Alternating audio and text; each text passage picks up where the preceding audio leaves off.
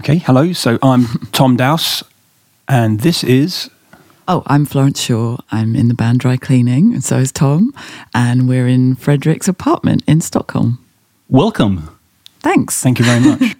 Your latest album is called Stump Work, yes. which is apparently a special embroidery technique in mm-hmm. which you stitch the thread so you get sort of a 3D effect. Mm-hmm. Do you do a lot of needlework or did you just like the wood? I actually used to do quite a lot of needlework. I used to do bits of embroidery just as part of my art practice. Every now and then I'd use embroidery as like a sort of a drawing technique. But that's not where the word came from. It's not how I came across it. Uh, I think it was something a friend sent me years ago that was like a detail of some tapestry, and they mentioned the word, and it stuck in my head because I liked it. Stump work. Yeah. You know, it made me think of like stumps, like mm-hmm. when you cut down a tree. Mm. So stump work would be like a lumberjack version of craft work mm. or something. I think that that for the rest of us was a bit of an attraction before we knew what the term meant. Because what we usually do when we title things is we all pick up on a word that just seems to fit, that it doesn't need a single explanation. It kind of does exactly what you just described. It generates more questions or images. And so the idea of a stump, there's something blunt about that. And the, we always like terms of work and you know that kind of thing. Like the the album cover for New Long Leg had roadworks on it and stuff like that. We kind of like kind of like a forefronting the labour of being in a band. And there's no stitching on the album cover either. No, it's, but there there's are. a picture I mean, of the, the soap yeah, with the the title written in hair straws yeah. that someone left behind.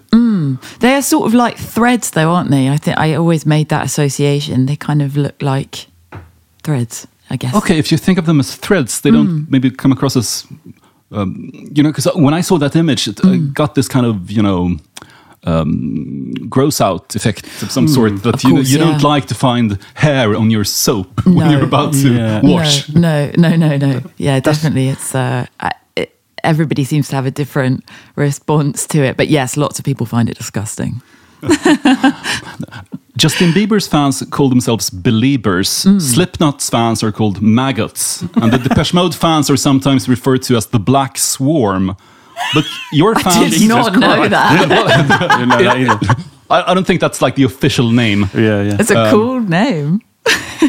I actually had this old promo CD of, um, what's it called? Like uh, Playing the Angel, the Depeche Mode album, where uh, it doesn't say their name on the title, it just says the Black Swarm. so they used it themselves for. for That's amazing. But uh, anyway, your fans are called Bouncy Balls. yeah. That's an interesting name.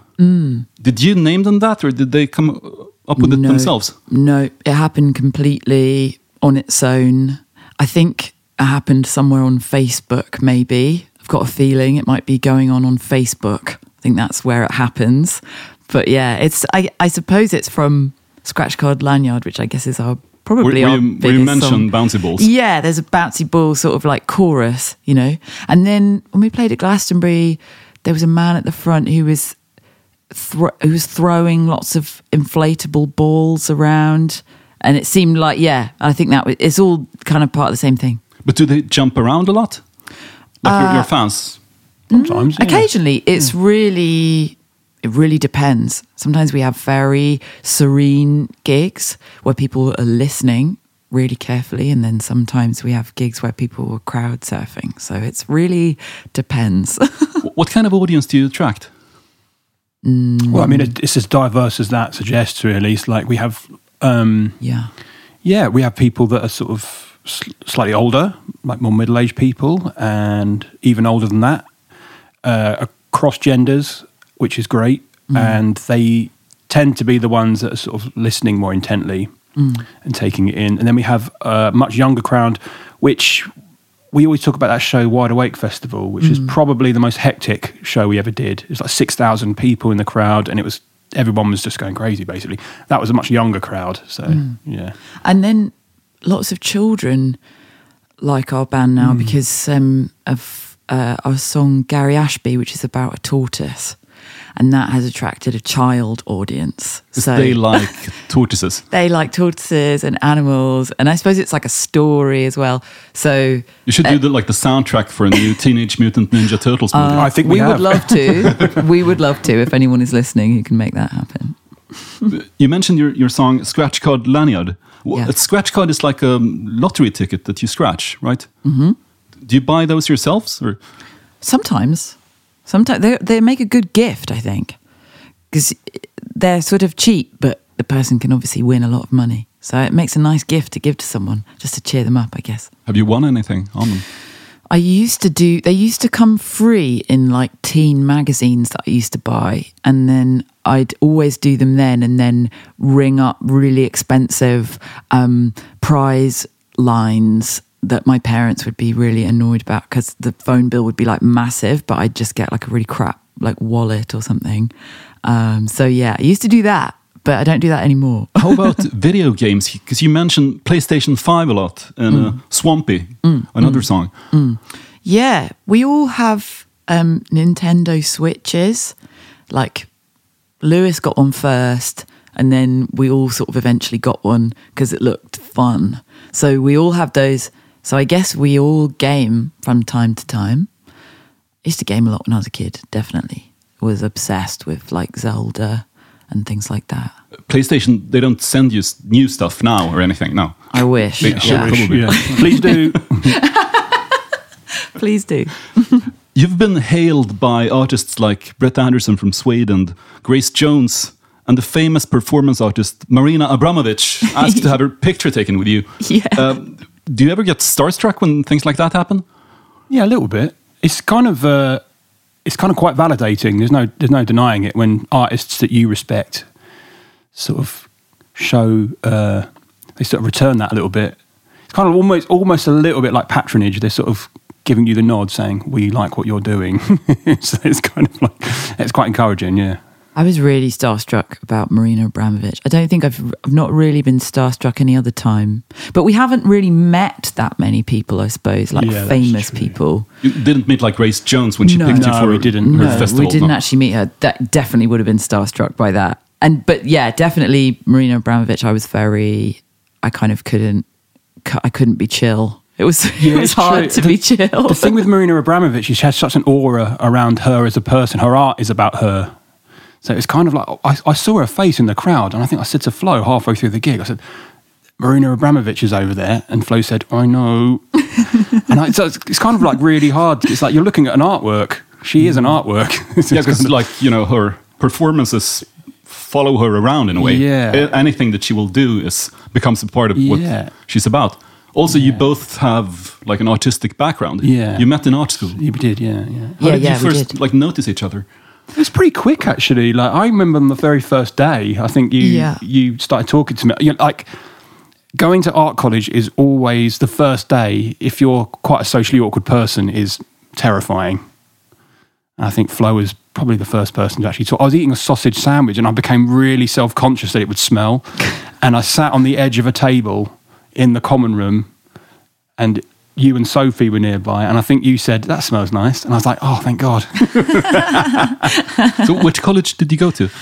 We went to the Royal College of Art, which is in it's it's in kind of I guess Kensington, South Kensington, next to Hyde Park. It's a very posh area actually. But yes, we went to the Royal College of Art. A lot of British bands meet in art school. I mean, yeah, there's a good history of it, isn't there? You know, starting Yeah. off with the Rolling Stones, I suppose. Ro- oh yeah, that's true. Yeah, Or I guess Roxy Jagger Music. went to some kind of. He went to London School of Economics, actually. Oh, really? Oh, yeah, oh, yeah, yeah. Roxy Music is always Was the one I think Keith of. who was went to art school? I, I don't I'm remember. not sure actually I about the don't Rolling. Stones. If I'm, if I'm honest, I, don't know. I'm the worst person for like music music trivia. It never stays in my head, but definitely Roxy Music. And did the Clash go to art school? I wouldn't. I would have thought so. I, I have a feeling. I know for sure. One of my heroes is Billy Childish. He went to. Oh, to yeah. he went he went to my local art school as well. So I think the connection between music and art for me was never separate. They were always quite close.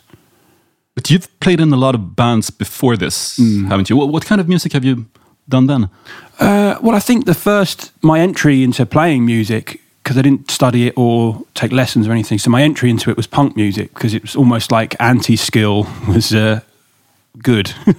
so I played in punk bands and then hardcore bands, some metal bands, and then slowly into sort of more like indie. I'm, a, I'm an indie kid at heart, so I wanted to play in indie bands and stuff like that. So, yeah.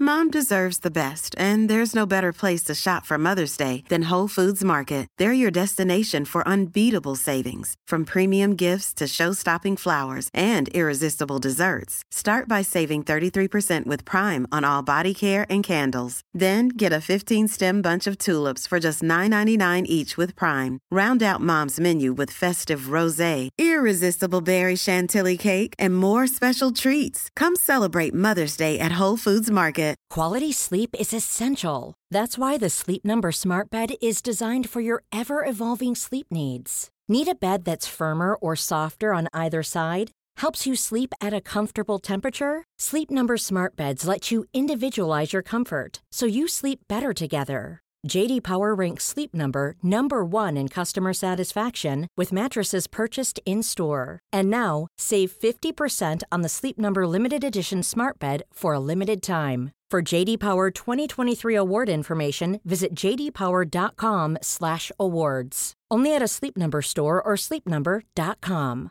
There's never been a faster or easier way to start your weight loss journey than with PlushCare. PlushCare accepts most insurance plans and gives you online access to board-certified physicians who can prescribe FDA-approved weight loss medications like Wegovy and Zepbound for those who qualify. Take charge of your health and speak with a board-certified physician about a weight loss plan that's right for you. Get started today at plushcare.com slash weight loss. That's plushcare.com slash weight loss. plushcare.com slash weight loss.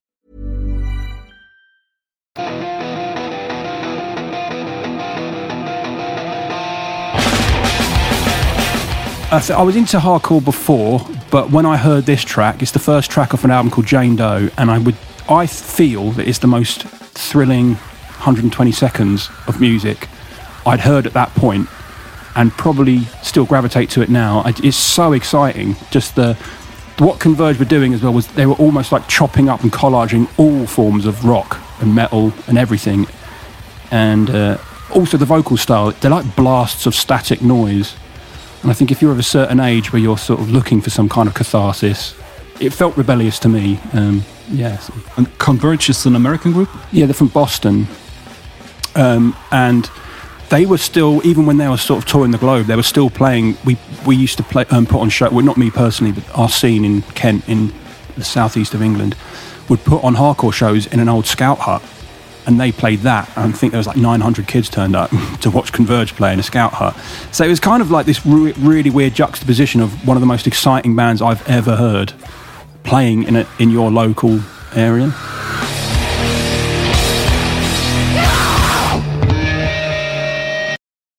Florence, you haven't been in any bands before this. No. And you were quite reluctant to join the group. How did the others convince you to? Um, I guess it just took some time. I think it always takes me a long time for ideas to sort of settle. I'm not really, I'm quite a cautious person generally. Like, I don't really make impulsive decisions. And I guess it just took a long time to kind of uh, get used to the idea of potentially doing something like that because it really was so far from my life at the time.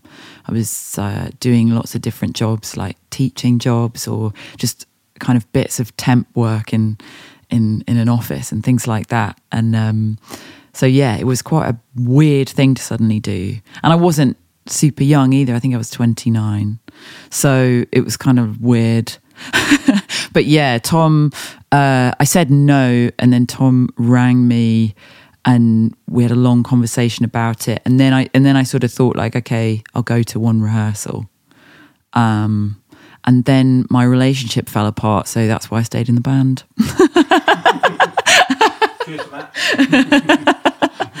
so thanks to your ex, yes, yes. Well, it you was, got a whole uh, new career. it was a handy bit of structure. You know, if you live with somebody and it's kind of it's quite intense, when something like that ends, you are in a bit of a sort of a void, a vacuum.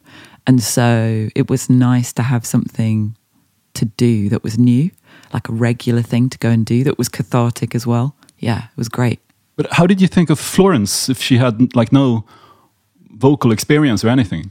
Well, it wasn't. I think what you're what you're looking for when you join a band is a sort of like a, an alchemy, a group of personalities that you think will be interesting. And as soon as like it popped into my head to ask Florence, it just it seems so interesting because I mean I'd always admired the way Flo thinks about things. Like when we were at college, we had this. Uh, it was called uh, that tutorial group we used to have Oh, once yeah. a week, Yeah, and yeah. it was like me, Flo, and I think six other students. And each, each week you talk about your work.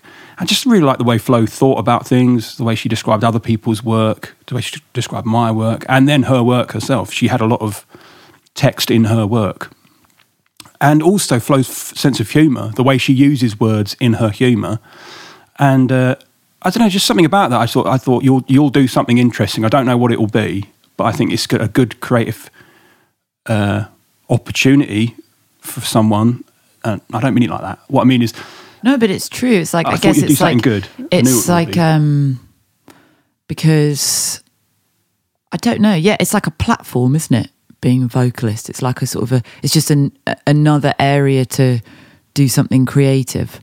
So, and I suppose I'd done like little films and I'd done photographs and bits of writing and drawing. So it's just it's sort of just like another thing, isn't it, to try. So yeah, I'd say like it it was a really nice opportunity. So what happened at the first rehearsal? Um, God, what you hear on that first EP, Yeah. really, it, it, it was like that. It was kind of like, uh, You started reading out from your the notes on, on Yes. your phone. Yeah. Basically. Yes, I had. I printed them out because I thought that would be good to print them out. I thought that was professional, and uh, I, yeah, I didn't read them first. I just had them, and I was struggling to think how to do it. And then Nick did it for. A, he just read off the sheet.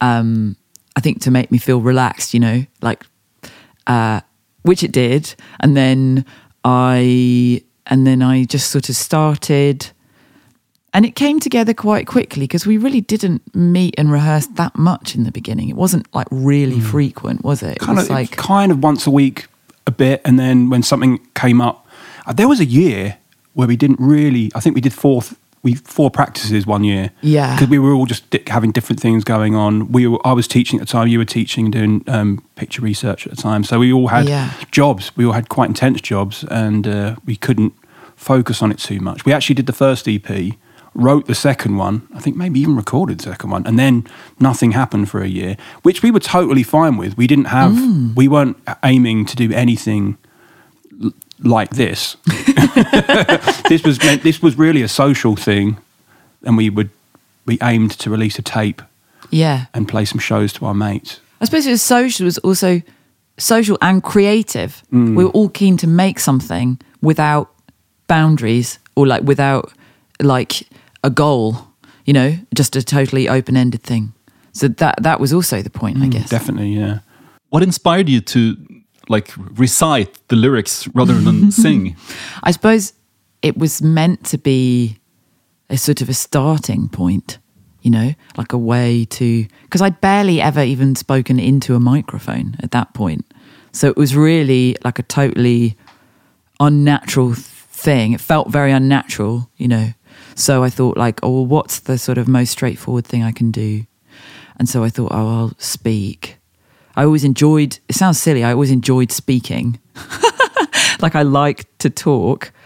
Um, and, and I suppose the other thing was I cared about the words a lot. So I thought, well, what can I do that means you can hear them really well? but the words and expressions that you collected on your phone weren't necessarily meant for this project. You just No. had them there. My mum once said to me, she always gave me the advice that you should always kind of collect things and uh, gather things um, just because you want to, and at some point you can use them for something. My mum's an artist, and she always used to tell me that. You know, Always like- collect things. yeah, collect things, and uh, and she always talked about the fact that it was part of what artists do uh, to collect, and that you don't Good need advice. to be yeah, you don't need to be stressed about what it's for.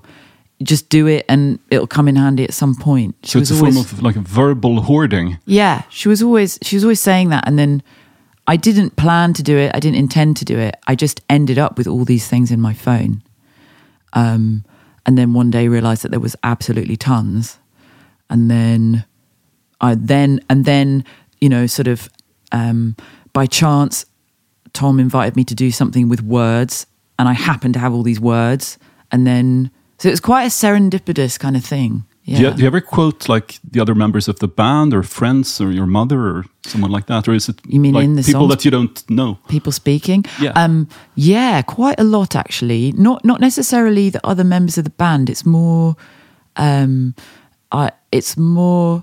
Quite often, I'll use friends of mine where sort of maybe English isn't their first language. I find the way that people as kind of second language English speakers use English, I really find that very inspiring. Um, uh, I have, well, quite a few people we went to the Royal College with were um, from overseas, so quite a lot of uh, students from the EU and things like that. And um, so, so we've got kind of quite a global friendship group because of that. And um, and so, yeah, a lot of a lot of what a lot of what they say, I I tends to end up in the songs in one way or another because I just like the word order, and that sometimes technically, you know, grammatically, maybe it's not exactly perfect, but it makes it much more engaging to me anyway. Yeah. Standing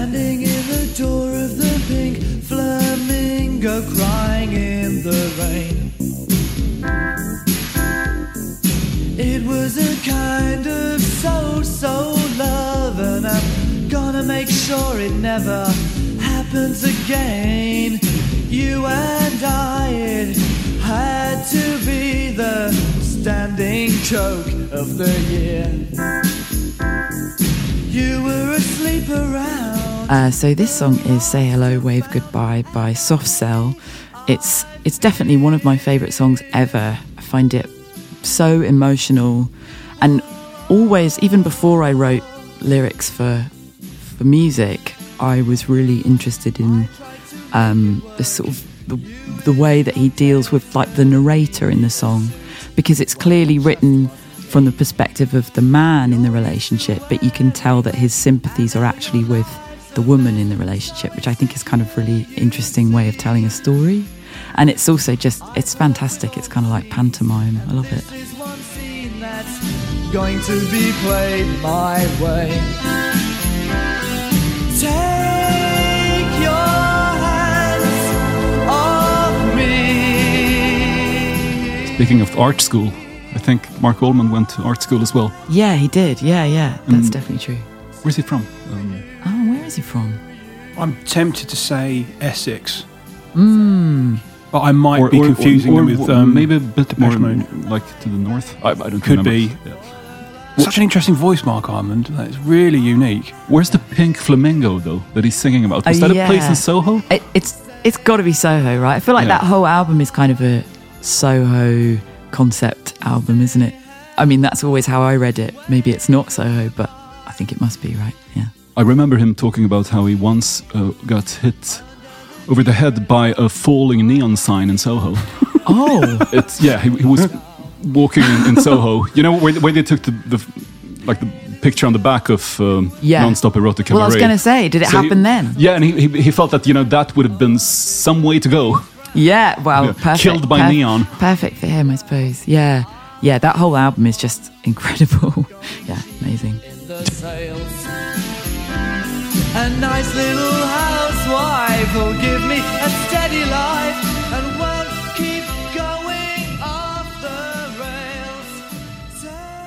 Do you think that people react to the lyrics in a different way when you like speak rather than sing? Hmm.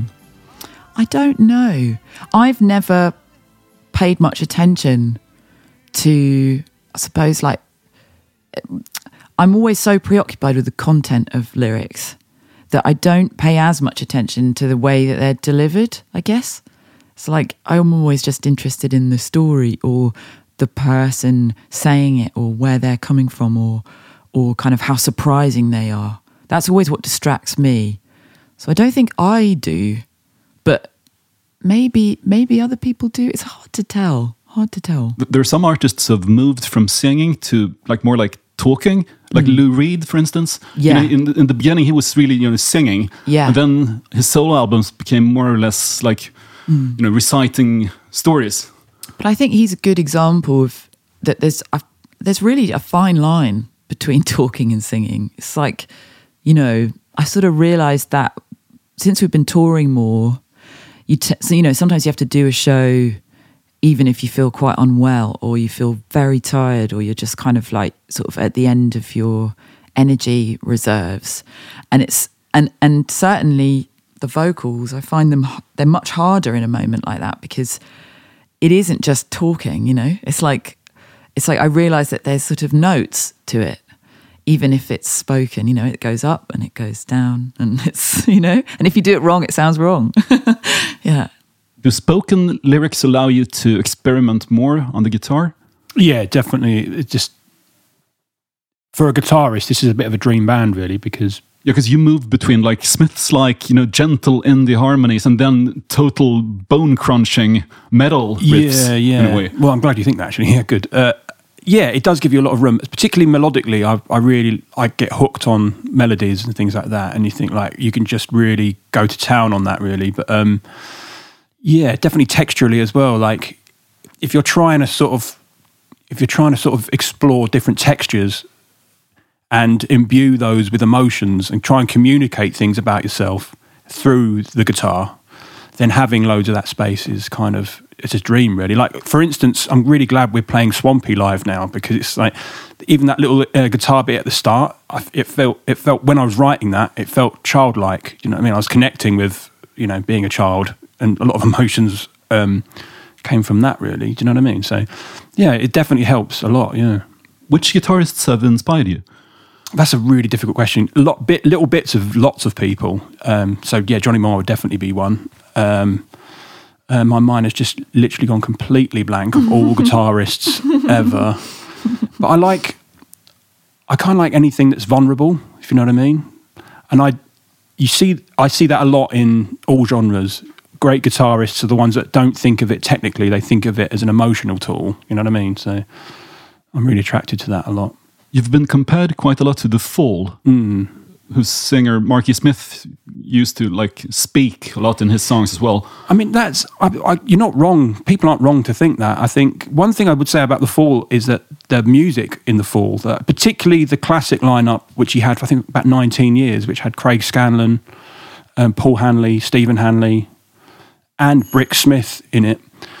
The music they were making was really interesting as well. Like particularly the drummer Karl Burns, he was a really interesting drummer. They were doing something musically there.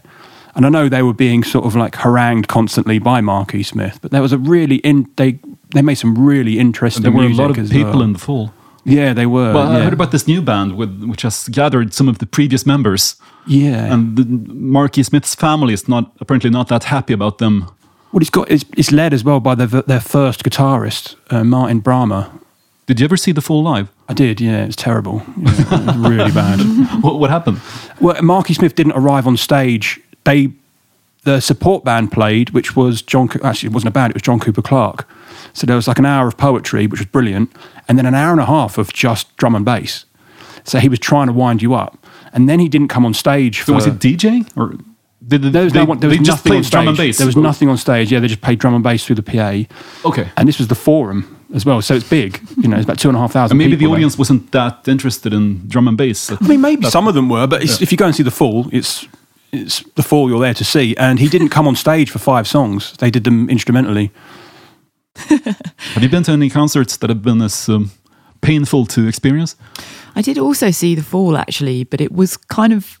I think I was just more excited by seeing him uh, in a room. But I, I mean, it wasn't uh, my. It wasn't. I don't know. I'm trying to remember what he was doing. Oh yeah, I think he was just fiddling with the settings on the amps the whole time, uh, which did wear thin.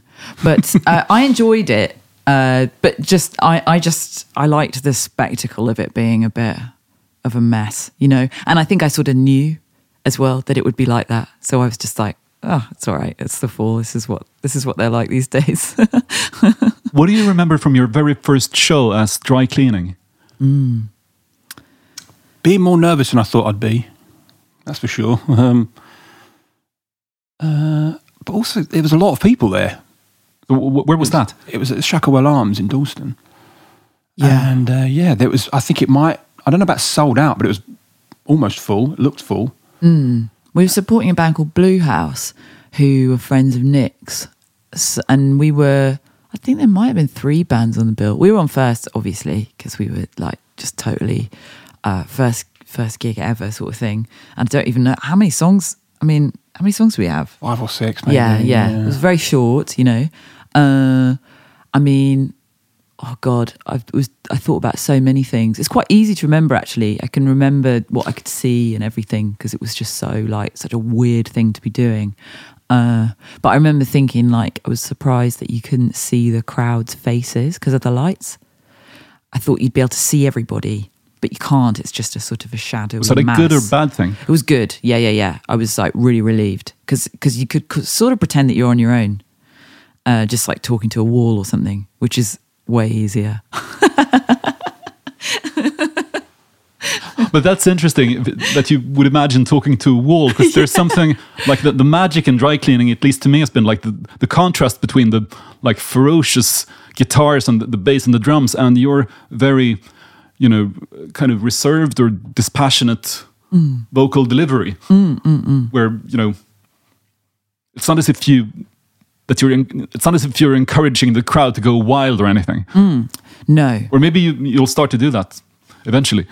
I think it always appealed to me not to do that really because I think I think my feelings about it are sort of gendered. I always was I always sort of tried to think about okay, what can I do as the front person of a band, not not what you should do. You know what I mean? I just thought like, well, what can I bring to this? And I think um, I've as I've got older, um, as I as I think probably a lot of women do, I've just become more and more sort of weary with what it's like being a woman in public space. And I think uh, I just I sort of thought, well, wouldn't it be interesting to kind of do nothing, like not give people everything all the time, and and sort of if anything, sort of uh, yeah, hold back, um, because I think a lot of times, at least my experience of of being a feminine person is is either is either having to give a lot or having to put up with a lot. And it's and it can be both at the same time.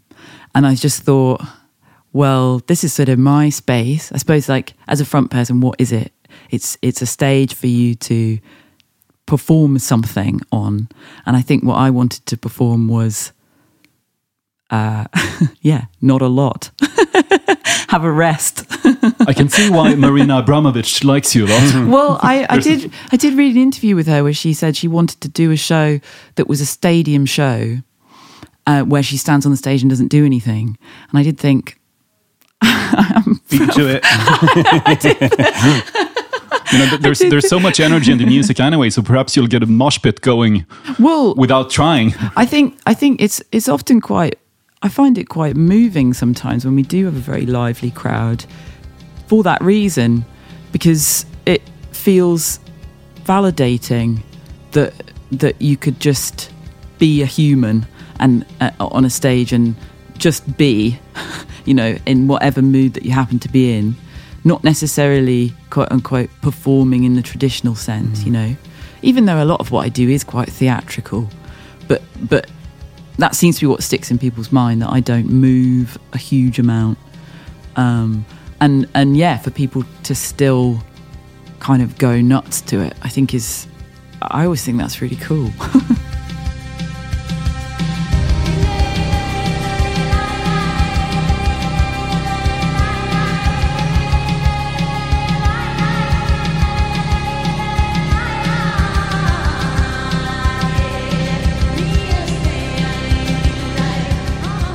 Um, Mesmerism by Dead Can Dance is a track I happened upon quite recently, actually. I've been aware of them as a band for a long time, but there's something about this whole album in particular and the album that came after it, The Serpent's Egg. There's something about maybe it's my evolution in music in general. I've, as I've grown older, I've become more and more interested in ambient music. Um, So as a, as in my younger years, I was really attracted to intensity and catharsis and drama. Um, as I've grown older, I've kind of sought that drama in different ways, and I think having more patience and not wanting things to be so intrusive in my mind. And the thing about a track like Dead Can Dance is it it creeps up on you slowly. It, it sort of envelops you into its world, and it introduces elements much more slowly, but no less impactful. I find Lisa Gerrard's voice incredibly moving. It's got a little bit of Marlene Dietrich in it, a little warble in it. Um, she's massively influenced by Greek music. Apparently, the area she grew up in, Melbourne, was like a heavily Greek area. She plays an auto harp as well while she sings, and it's just I don't know, it's just mes- like it's mesmerizing. Literally. Do you listen to a lot of Greek music? Uh, not particularly, but I'm a huge fan of those instruments, like the auto harp and things like that. Uh, and it's a, uh, actually it's not an auto harp; it's a hammer dulcimer.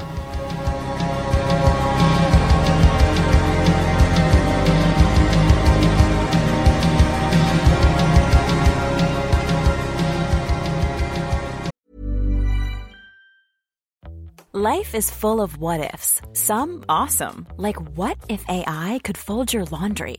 And some, well, less awesome, like what if you have unexpected medical costs? United Healthcare can help get you covered with Health Protector Guard fixed indemnity insurance plans. They supplement your primary plan to help you manage out of pocket costs. No deductibles, no enrollment periods, and especially no more what ifs. Visit uh1.com to find the Health Protector Guard plan for you. Hey, I'm Ryan Reynolds. Recently, I asked Mint Mobile's legal team if big wireless companies are allowed to raise prices due to inflation. They said yes. And then when I asked if raising prices technically violates those onerous two year contracts, they said, What the f are you talking about, you insane Hollywood ass? So to recap, we're cutting the price of Mint Unlimited from $30 a month to just $15 a month. Give it a try at mintmobile.com slash switch. $45 upfront for three months plus taxes and fees. Promo rate for new customers for limited time. Unlimited more than 40 gigabytes per month. Slows. Full terms at mintmobile.com. Hey there, it's Michelle Norris. I'm host of a podcast called Your Mama's Kitchen. When I travel, I'm usually looking for a way to find a taste of home when I'm not at home. And one of the things I love to do when I am at home is entertain. And Airbnb allows me to do that. When I was in California recently, I rented a house that had a great kitchen. And when we were sitting around the table, we're all thinking, we're in someone else's house. Someone could be in all of our homes as well. If you have a home, but you're not always at home, you have an Airbnb. Your home might be worth more than you think. Find out how much at airbnb.com/slash host.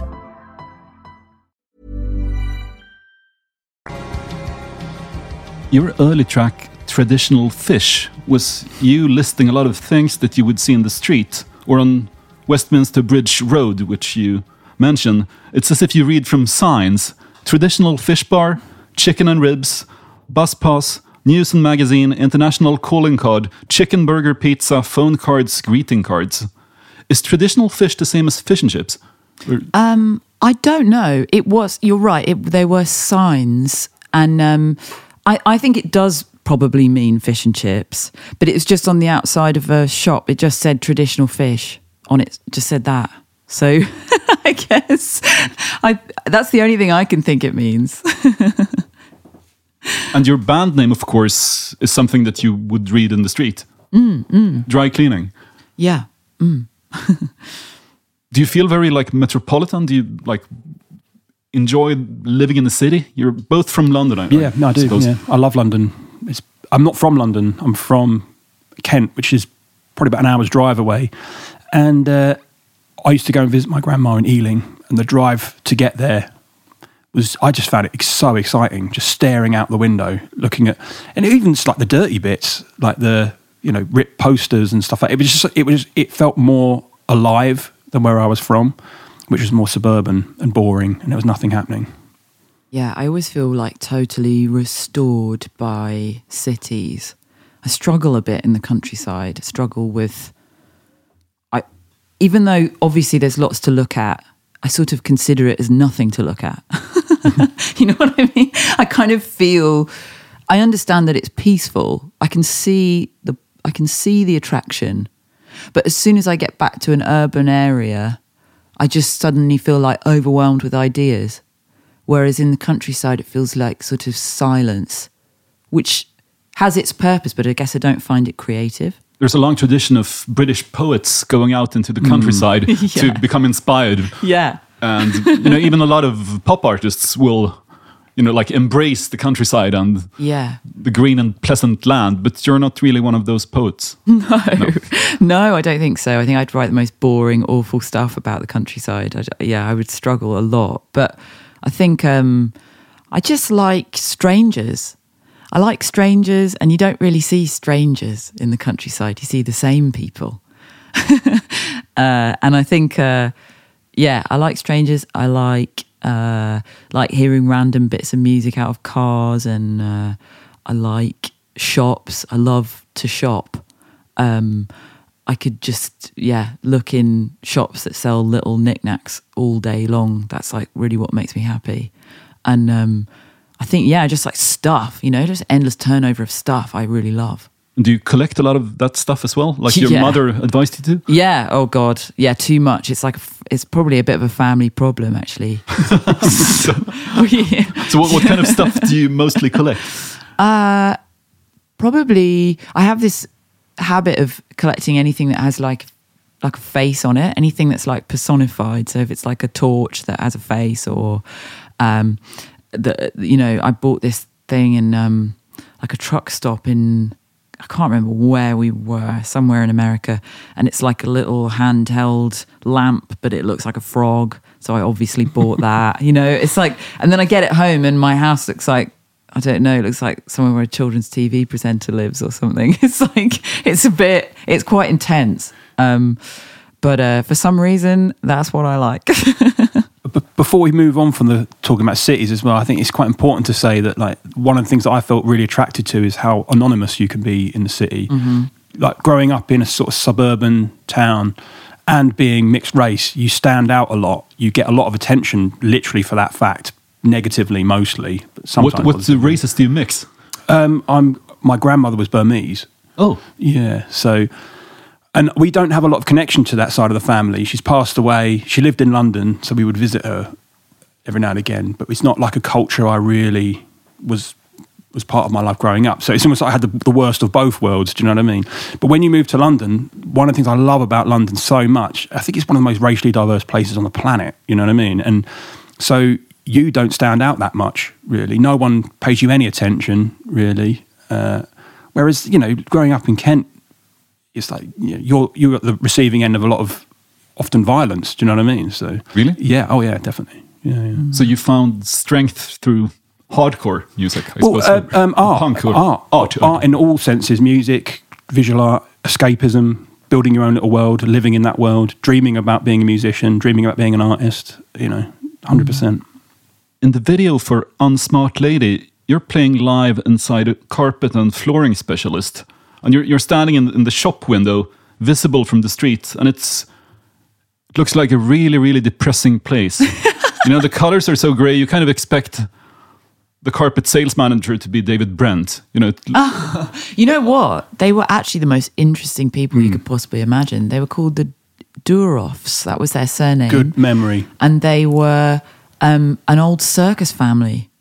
So, you know, historically, their family had been circus people. Wow. And they had all these sort of family portraits on the walls and things, and that had gone into carpeting. so it's kind of like, I mean, it's totally the opposite. They're like really the most fascinating people you can imagine. There's yeah. a fragment of a carpet at the end of the video which has a depiction, a pattern with Henry VIII on it, and that comes from when pubs used to commission carpets that responded directly to the name of the pub, and that's the last kind of one of the last remaining fragments of one of those carpets they had. But they used to manufacture those. For so you don't see that in pubs anymore. um, only if they're very old and they've kept them. But like places like Wetherspoons, kind of got rid of those. yeah. Sometimes I pray for the rain. You know I try to see things from your side, to leave undefined. But where would you advise? It generate a new design for the missing piece I have to disguise. A paper with the header that your love is just a myth I devised. And things like that you can. Uh, so this is a song called Back Baby by Jessica Pratt. Um, I love her voice. I love the subject matter. Um, I think I read somewhere that it might be about her mother, which really interested me because it's almost a romantic song. Sounds like a romantic sort of struggle between two people, but the idea that that could be about a parent I found really interesting. And um, I mean, I could be totally wrong, but anyway, that's what sort of attracted me to it. And I love that she does this opening line. Uh, I think it's sometimes I pray for the rain, but it sort of sets up the song. It's almost like a little caption for the song. I love, I love that, and I love her voice. I love everything about it.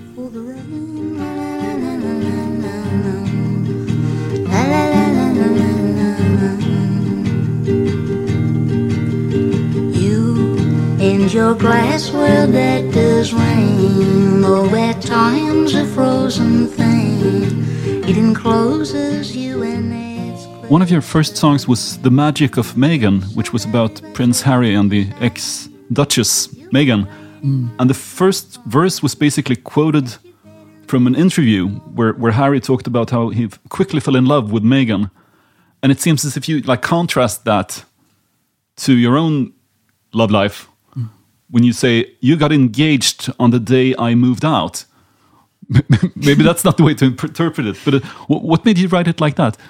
Um, just it was just uh, pretty straight, sort of um, writing down of the sort of contents of my brain at the time. Really, I was really, really interested in the story of them getting together. I was reading loads, just like consuming everything I could about it, all the interviews and videos and all the news about it. Um, that was that had these sort of two sides to it. It was it was kind of like this romantic side and quite optimistic sort of side, and just pure kind of celebrity sort of um, positive kind of fluff, you know. And then the other side that was really really sinister, where they were printing pictures of uh, Prince Charles dancing with one of the three degrees and making some kind of parallel. Uh, it just all really kind of like uh, thinly veiled, well, not even really veiled, kind of racist stuff, and um, and that was all sort of populating my mind, and I was feeling kind of, uh, yeah, as conflicted as as anybody who'd read it all would, and then at the same time, I was. Um, going through some upheaval in my personal life. Was that right when you started the band? Yeah, yeah, right at the start. Yeah, yeah. Moved in with the band and moved out of. Yes, exactly. And um, yeah, exactly. And uh, and so it was all kind of just swirling around in my head. It didn't really, I didn't really plan it or anything. I just sort of put it all down like that. Unsmart Lady is also based on a quote from a royal, um, Princess Di, It is. Not that many people have noticed that actually, but it is. Yeah. because she felt like an unsmart lady when she first met Charles. I think, Mm, yeah. or she she she said, "I remember being a fat, podgy, no makeup, unsmart lady." But Mm. I, I made a lot of noise, and he liked that. And he came to me after dinner, and we had a big dance. And he said, "Will you show me the gallery?" That's from her autobiography. Yeah. Have you been asked to play at the coronation of uh, King Charles? Uh, Not yet. No, no, we haven't. Because apparently I've- they I've have trouble ev- finding artists. I've heard everyone to- else has though. Yeah. Wouldn't that be quite ideal? Well, there are parts of that song. I mean, the idea of um, "You're just what England needs. You're going to change us" is uh, is uh, tongue in cheek. You know what I mean? Because I mean that in itself is quite a racist idea. The idea that like you know Meghan was going to come along and uh, fix fix everything and make us unracist uh, was was kind of I mean, that was that was a thing you heard a lot at the time. Like a lot of a lot of just members of the public would say things like that, and it's just so insane to put that to put that incentive onto the victim of it all. You know, I, I, like, and also it's quite a tip. It's quite a typical thing that people say in those kind of situations. You know that that. um sort of uh, she was there to kind of educate white people apparently you know i found that kind of like really uh, kind of unbelievable so you know uh, there's parts of the song that are quite you know maybe they're not extremely obvious but they're in there as a sort of i suppose as a criticism of kind of society as a whole. But um, I always saw maybe those two people, particularly Meghan Markle and Diana, as uh, not necessarily representing the monarchy. You know what I mean? I just thought of them more as women in the public eye. Um, yeah, I'm t- certainly not a monarchist. Because they got sucked into the vortex of hmm. well, the royal yeah. family. Yeah. And I don't think that they're sort of these angelic kind of characters. I think that's a simplification as well. But yeah, there's no there's no sense that I mean, for me, they're they're they're people who've suffered terribly, you know. I think. I mean, that seems to be the obvious conclusion to draw, to me anyway.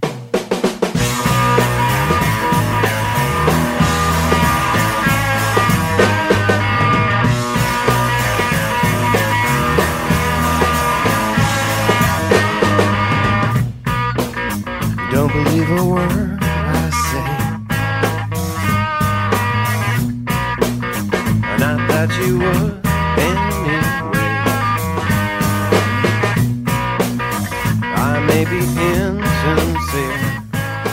So um, this is All Downhill From Here by Jim O'Rourke, who he sort of made a suite of about three albums in the early 2000s that were sort of more rock orientated. Otherwise, he sort of bran- he's much more interested in sort of ambient music, which I really love as well. But he's from a, a he's from Chicago. He was in Sonic Youth for a He while. He was in Sonic right? Youth for a while. He did move to New York and he joined Sonic Youth, and I think he recorded Murray Street with them. He also recorded my two favourite Wilco albums, um, Sky Blue Sky and A Ghost Is Born. And we've been to Chicago a few times now. It's one of my favourite places we've ever played. Uh, I just love everything about it. I love the music that came from there. So for, for instance, um, Kranky Records was from there, which is which came along in the mid '90s when ambient music was really not cool. Like it was really, it was a, it was the kind of thing that sort of weirdos make. Um, so the fact that they were able to sort of make a quite successful record label out of it, and Jim O'Rourke had a big part to play in that. I think uh, we were actually lucky enough to go to their Jeff Tweedy from Wilco invited us to his to their studio, the Loft in Chicago, and it was like walking into a bit of a utopia, really. And they were just really lovely people, and it, so this just the idea of someone like Jim O'Rourke being part of that scene at some point is just really amazing. Maybe the point is you just outgrown. There are names for me that are better known.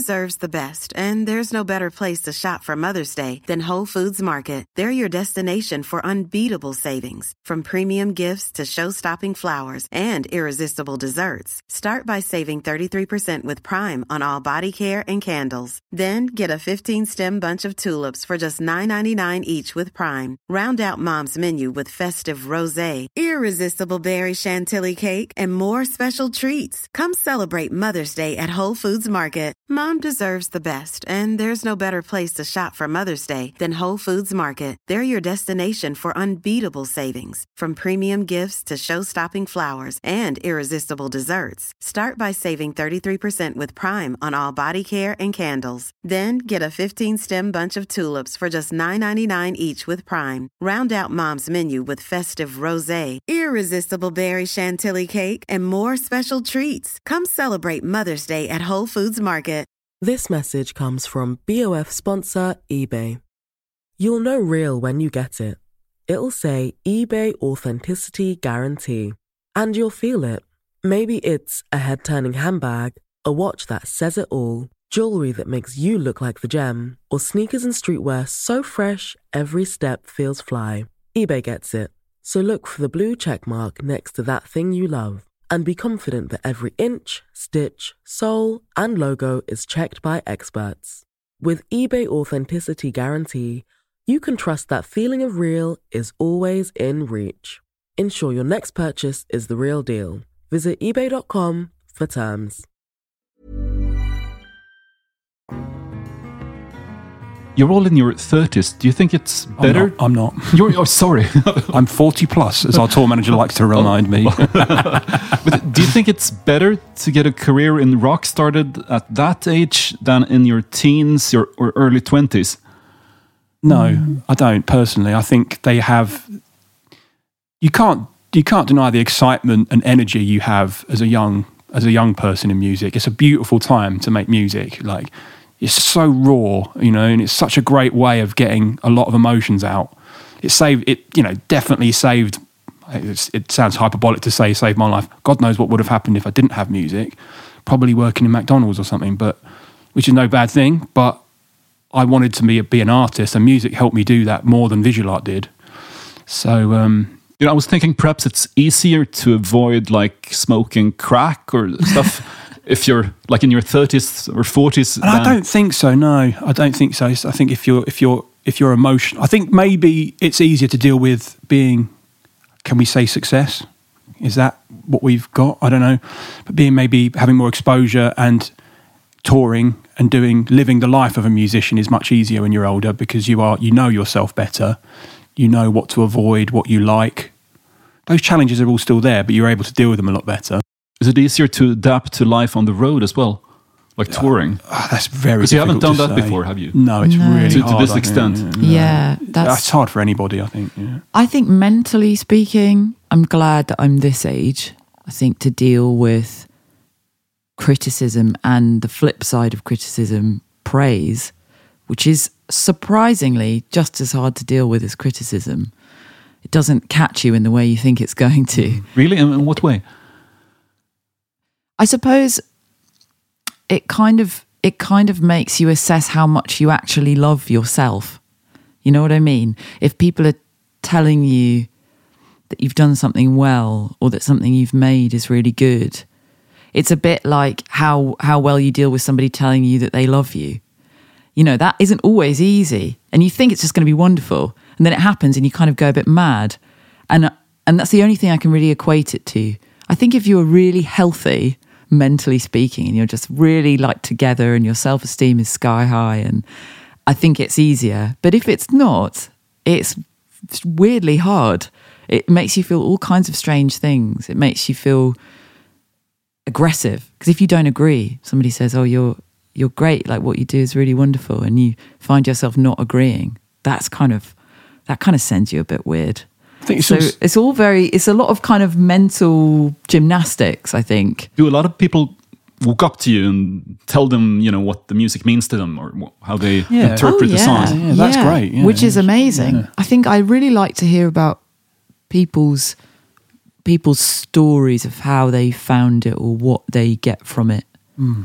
Um, but yeah, to talk about oneself is harder, I think.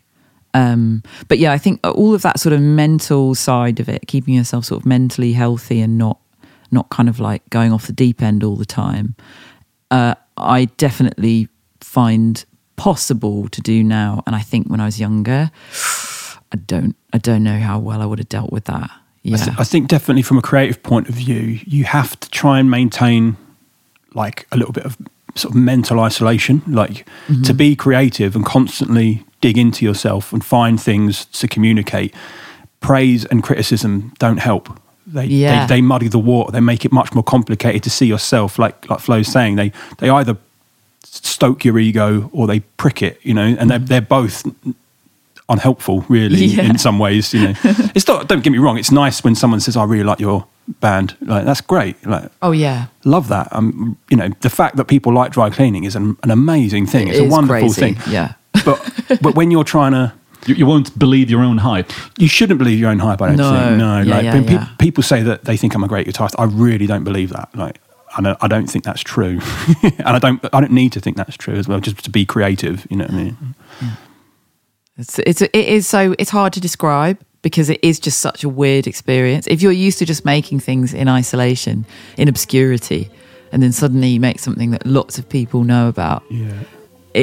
It it is a it's weird. All the stuff that comes your way is really surreal in wonderful ways and in occasionally sort of terrible ways. It's it's very strange. Yeah. You get- interesting interesting experience though. I mean, objectively speaking, it's fascinating. Hmm. You know? Yeah. you know? Talking the swag, I got the sauce and it's dripping my bag. Yeah, talking the swag, I got the sauce and it's dripping my bag. Yeah, yeah, play with me, ah, play with me, ah, you mad? Yeah, yeah, brothers could not play with the doggy, nah. Yeah, yeah, I'm just getting so much money from a guitar.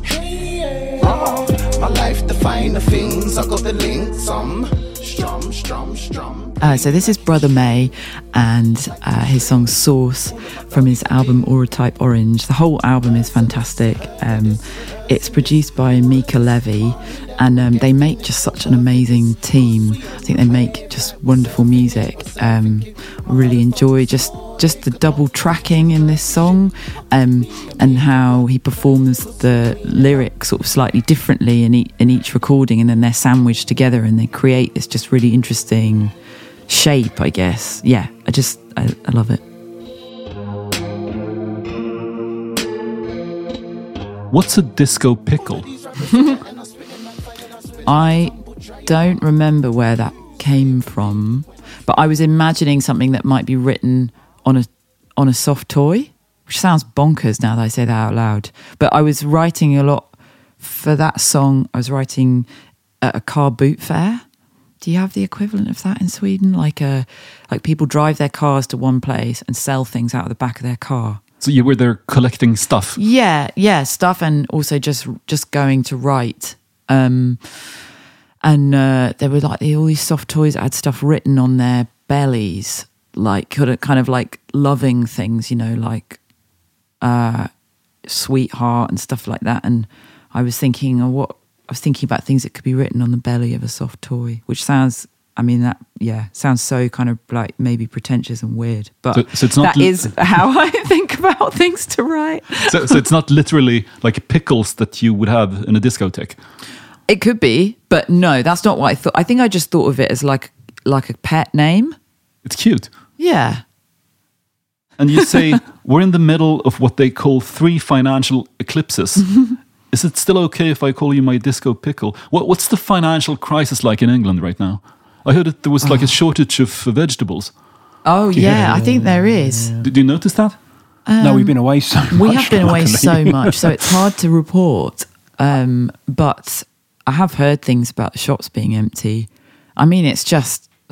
I feel like we're at a point when just nothing would surprise us anymore. It's kind of. Uh, it's it's a real dead zone, isn't it? It's really. Uh, it's it's got pretty bleak. You can't afford to turn the heating on. Uh, you've got to yeah, you've got to wear like ten jumpers in the house, and it's just mad. It's really mad. What are your plans for this summer? Well, we're going to be um, we're going to be doing a lot of festivals. Um, it seems much more in Europe than it was last summer. We we went to the US twice over the summer last time, and I think this time we're going to be doing a lot more in. We're going to be going to places like Istanbul and Athens, and I think Bucharest as well. So.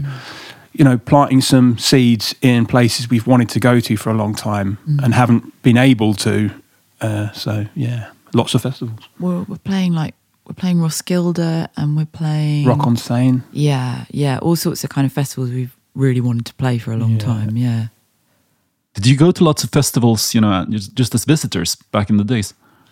When I was a Mm, teenager, I did. Yeah. Yeah, I went to Glastonbury like four times in a row. I think from when I was about fifteen, and uh, yeah, used to love it. It was, yeah, I loved it. It means a lot to me still. That festival for that reason. Did, did you go for, primarily for the music, or did Oh, you yeah. go to like hang out Yeah. with friends? And, Yeah, yeah, no, no. I was like a big music fan. I was like the nerdy person, like drawing a circle around everyone I wanted to see, and like everyone else is going to get drinks, and I was like, yeah, but blah blah's on in five minutes. Like I was like total. you still do that. total nerd. Like yeah, yeah, yeah. I, I didn't really go to festivals very much, no. I found them quite intimidating. But there was uh, a really great series of festivals called ATP uh, that would, they would basically. Tomorrow's Parties? All Tomorrow's Parties, yeah. They would hire out like a holiday camp called Butlins. And that seemed more civilized. It, felt a bit more ur- urbane as well. And that's So where they had like a host, right? They would have a curator. They had like. Nina Simone. No, no, that was when Nick Cave was hosting. Nick Cave and he, he yeah. um, booked Nina Simone. Yeah, and we we we sort of went uh, when it first started, it was in Camber Sands, which is a beach in Kent, which isn't that far from us. And we would sort of sneak in. You could sort of get in through a fence. It was that kind of small at the start. And we, we didn't really mind who was curating. So I actually went to the Ortec, Autechre one.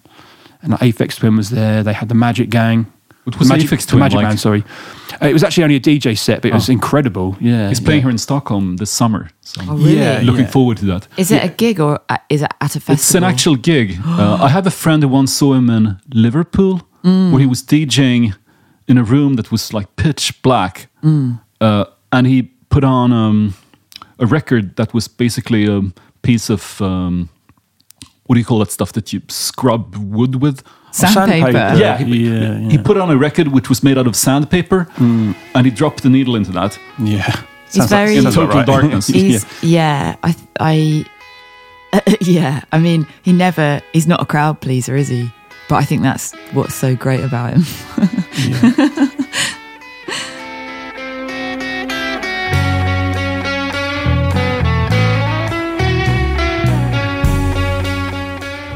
Uh, well, thanks for having us. It's been a real pleasure, but we need to get going now because we have a Thank gig you tonight. for coming to my home, and dry cleaning. Thank good you. good Thank luck you tonight. Thanks Thank for you. having us. Beanbags, bingo, and a PlayStation 5. Den här podcasten producerades av Daniel Bäckström för Lejon Media. Dry Cleaning var hemma hos Strage. PlayStation 5. Is we're stuck down a mine, and now you choose who you want to save. That pub where all those things happened is just called Moon now, some kind of